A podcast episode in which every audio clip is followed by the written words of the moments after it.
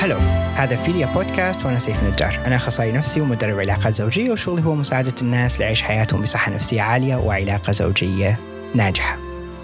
وأنا دكتورة سلا عصام اختصاصية أمراض جلدية وتناسلية وتجميل جلد. أهلا فيكي دكتورة سلا طبعا اليوم منورتنا بأول حلقة فيليا بودكاست. اللي هو أول بودكاست عراقي يحكي عن العلاقات الزوجية والثقافة الجنسية من الألف إلى الياء من منظور علمي ونفسي طبعا. ويساعد الشريكين على عيش حياتهم بصحة نفسية عالية وعلاقة زوجية ناجحة. شكرا جزيلا أنا سعيدة بهذه الاستضافة.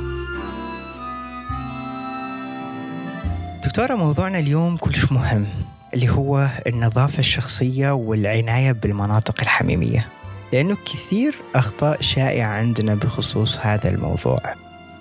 نعم آه، مصطلح النظافة الشخصية هو مصطلح واسع فهو يبدأ بالنظافة العامة وصولا إلى نظافة المناطق التناسلية. كطبيبة جلدية أكثر ما يهمنا هو أن نوضح كيف نصل إلى النظافة الشخصية بطريقة صحيحة. طيب دكتورة آه، شنو هي الخطوات اللي المفروض ناخذها للعناية بالنظافة الشخصية عموما وبالمناطق الحميمية خصوصا؟ عادة خطوات العناية تبدأ باختيار مواد آمنة عند الاستحمام وتجنب المواد الصابونية والغسولات الخاصة بالمناطق التناسلية اللي يروج لها عادة من قبل الشركات المصنعة. آه، علميا لأن المواد الصابونية من شأنها أن تؤثر على البكتيريا المتعايشة النافعة اللي موجودة في المناطق التناسلية واللي تسمى بال Lactobacillus هذه تعتبر خط الدفاع الأول في الجسم وخاصة في المناطق التناسلية. فهي تحمينا من مؤثرات ضارة مثل الجراثيم والميكروبات. الدكتورة أكو دراسة علمية صارت في ألمانيا أثبتت نتائجها أن النساء أكثر نظافة من الرجال وأنه 11% من الرجال ما يغسلون إيدهم إطلاقا بعد ما يطلعون من الحمام بينما النساء فقط 3% يسلكون هذا السلوك. شنو تعليقك على الموضوع؟ يعني الدراسات عادة آه، إحنا ما نقدر إنه نعممها، عادة هي تكون على فئة محدودة، لكن عموما إحنا يعني غايتنا إنه النظافة الشخصية تكون آه، موجودة في كلا الجنسين وهي شيء مهم وأساسي. طيب دكتورة آه على طاري ال- الحمام هل تؤثر الرطوبة على هذه المناطق بشكل سلبي؟ بحكم إنه هذه المنطقة هي منطقة آه، احتكاكية ورطبة. ففيها نشاط غدد عرقية. فتكرار هذا الشيء نعم ممكن أنه يأثر بصورة سلبية من خلال المساعدة على الإصابة بالفطريات والحكة المستمرة خاصة عند الذكور. طيب يعني مو السيدات. وحقيقة لكلا الجنسين لكن كجزء علمي كون الذكور جزء من أعضائهم التناسلية تكون خارجية. فبحكم الاحتكاك بين الثنايا الجلدية هذا يساعد أكثر على أنه تظهر عندهم المشكلة بصورة أسرع.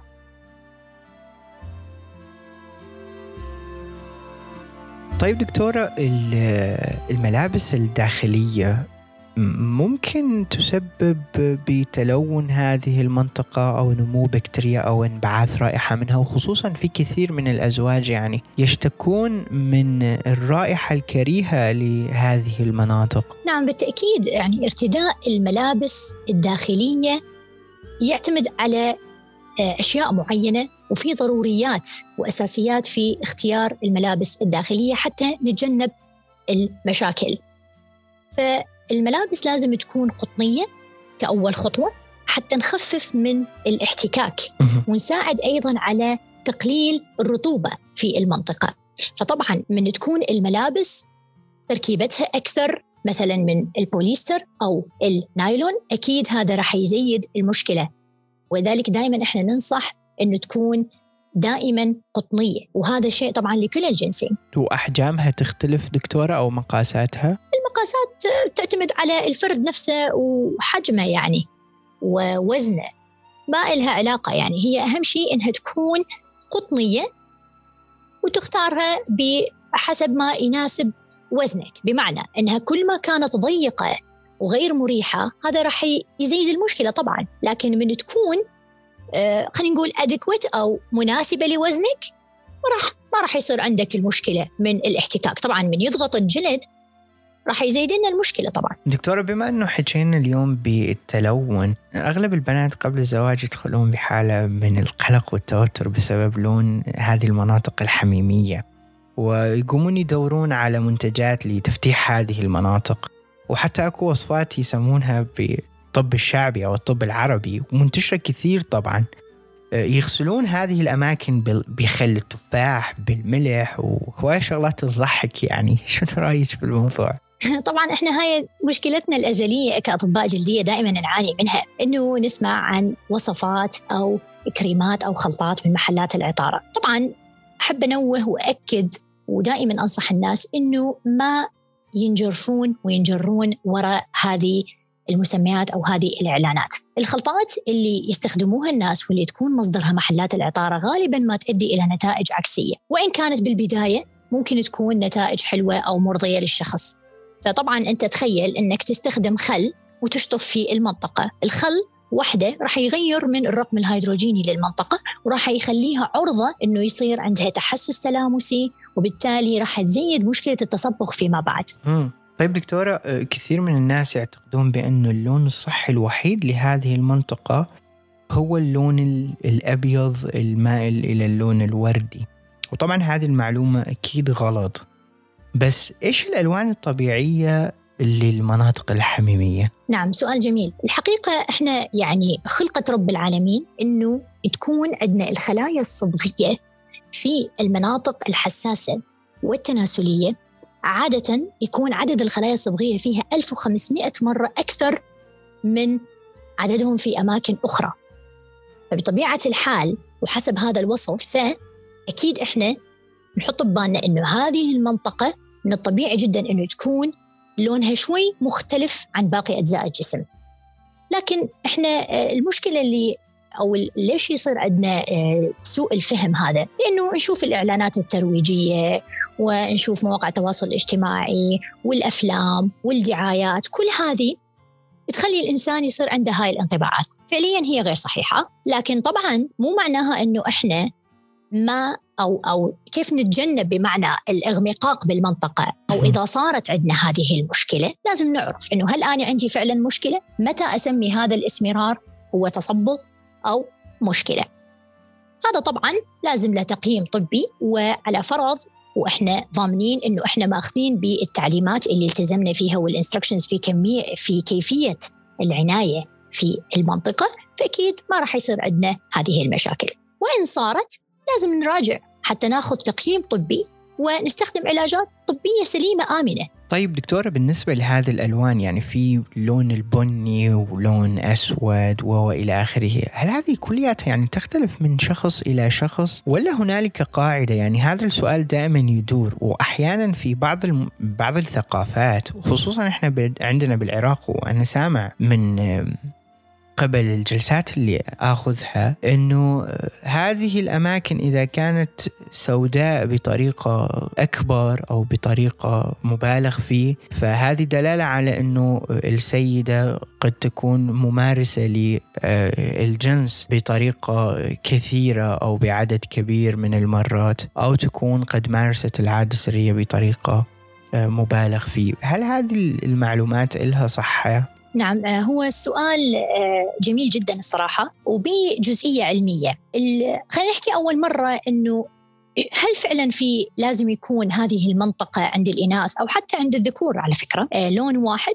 حقيقة لا طبعا لأنه بالنهاية في شيء اسمه أنه أنا شنو لون بشرتي أو طبيعتها. ألوان التقسيم الجلد عند البشر ست درجات. تمام؟ ففي طبيعة. مثل مثلا واحد إحنا نشوفه ممكن يكون لون بشرته أبيض ولكن حدود شفايفه مثلا سمراء.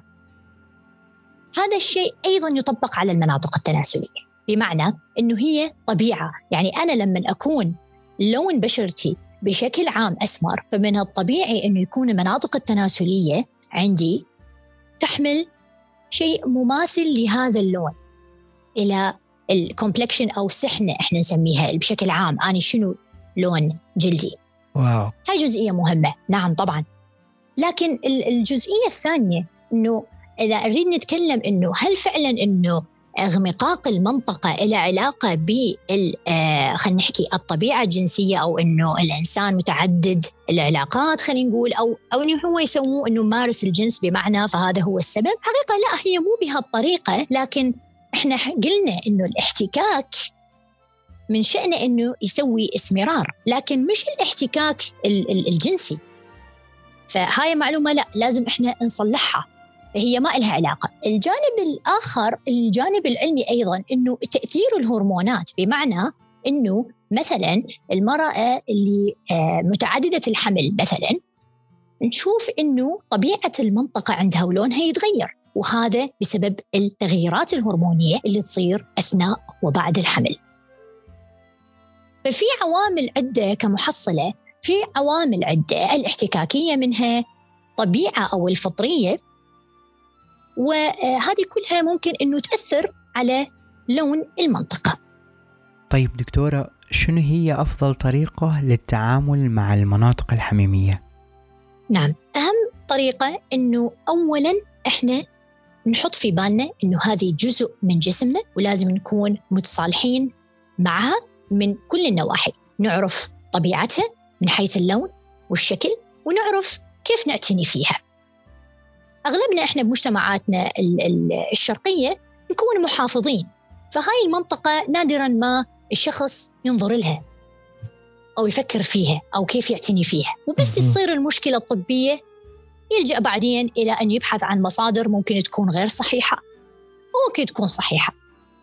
فإحنا حتى نعتني بالمنطقة مثل ما اتفقنا إنه نبتدئ من نوعية ارتداء الملابس الآمنة اللي ما تسوي لي مشاكل وما تزيدني من الاحتكاك وما تأثر على الجلد إلى استخدام غسولات صحيحة إلى تجنب ال ال ال أي شيء نسمعه بالإعلانات أو الدعايات رأسا نروح نجيبه ونتصور أنه هذا والله شخص يتكلم عنه أو أنا شفت عليه إعلانات أو شفت عليه ريفيوهات بالتالي هو حيكون شيء مناسب لي وما يسوي لي مضاعفات. وبنفس الوقت وصولا طبعا إلى الطرق السليمة أيضا لإزالة الشعر. هذه أيضا مشكلة آه، ممكن تساعد إنه تخفف لي من التصبغ أو قد تؤدي إلى حدوث تصبغ على حسب إحنا شلون استخدمناها على حسب إحنا وين سويناها هل سويناها في أماكن متخصصة أو لا هل شفنا طبيب أو لا.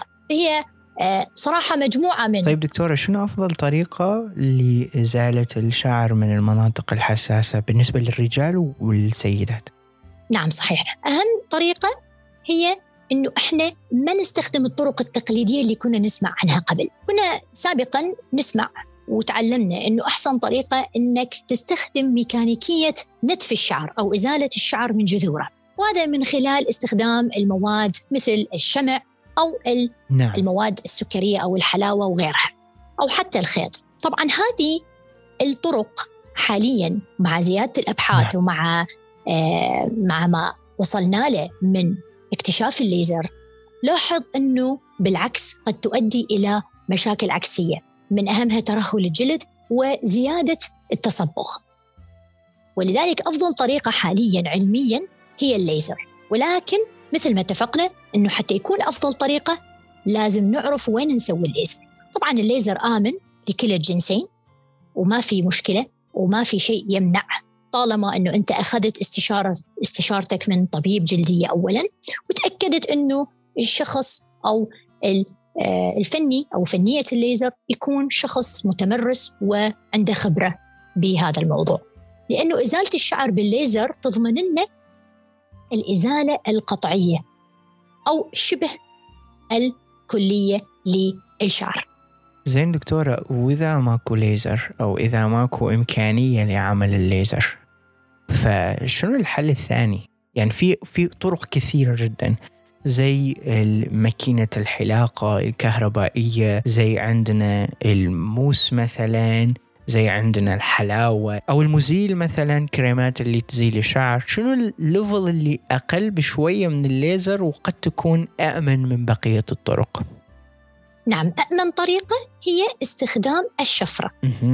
وليس الكريمات إزالة الشعر أو الحلاوة أو الشمع. الشفرة تضمن لنا إنه إحنا نقطع الشعره بمستوى سطحي وبالتالي إنه هي طبعا راح تطلع الشعره بعد فترة على حسب طبيعة كل واحد والموسم وكثير أشياء تلعب فيها دور ولكن هي أفضل من ما اتفقنا إذا قارناها بميكانيكيات أخرى مثل نتف الشعر. نتف الشعر مثل ما اتفقنا أنه ممكن يسوي لي حتى التهاب في بصيلات الشعر وتصبغات وغيرها. فاستخدام الشفرة يعتبر أأمن أما بالنسبة إلى كريمات إزالة الشعر فأنا ما أنصح بها نهائيا لأنه فيها مواد كيميائية مهيجة للجلد فتسبب اسوداد في المنطقة تسبب تهيج. هذا غير عن أنه معظمهم يكون فيهم رائحة أغلب الناس ما يحبوها. طيب دكتورة شنو حقيقة أنه إزالة الشعر عن طريق الشفرة يكثف من الشعر؟ نعم هو فعليا ما يكثف الشعر وإنما اللي يصير الآتي. لما تتمرر أداة حادة وتقطع الشعرة بطريقة مائلة تلقائيا بس راح تطلع الشعرة لأنه سطحها العلوي مقطوع فراح تحس بالبداية إنها خشنة. لكن هي فعليا لا راح تأثر على لون الشعرة آه. ولا على سمكها واو. نعم. المعلومة كذلك جديدة وغريبة وأول مرة يعني الناس الحين لو تصير عندهم تساقط شعر مثلا يروحون يقصون شعرهم أو يسووها بالشفرة علشان يقولون أنا عايز الشعر يقوم يطلع عندي بطريقة كثيفة. ويتجنبون آه، قطع الشعر أو إزالة الشعر عن طريق الشفرة في بعض المناطق زي مناطق الحساسة أو على الرجلين بالنسبة للسيدات أو اليدين. خوفا من أن الشعر يقوم يتكثف ويصير زي شعرة الرجال مثلا. هذه خرافة طبية. يعني هم يناقضون نفسهم.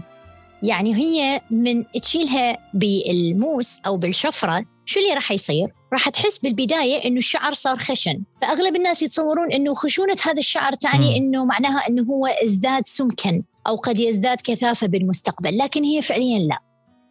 هي بس مجرد انقطعت بشكل مائل.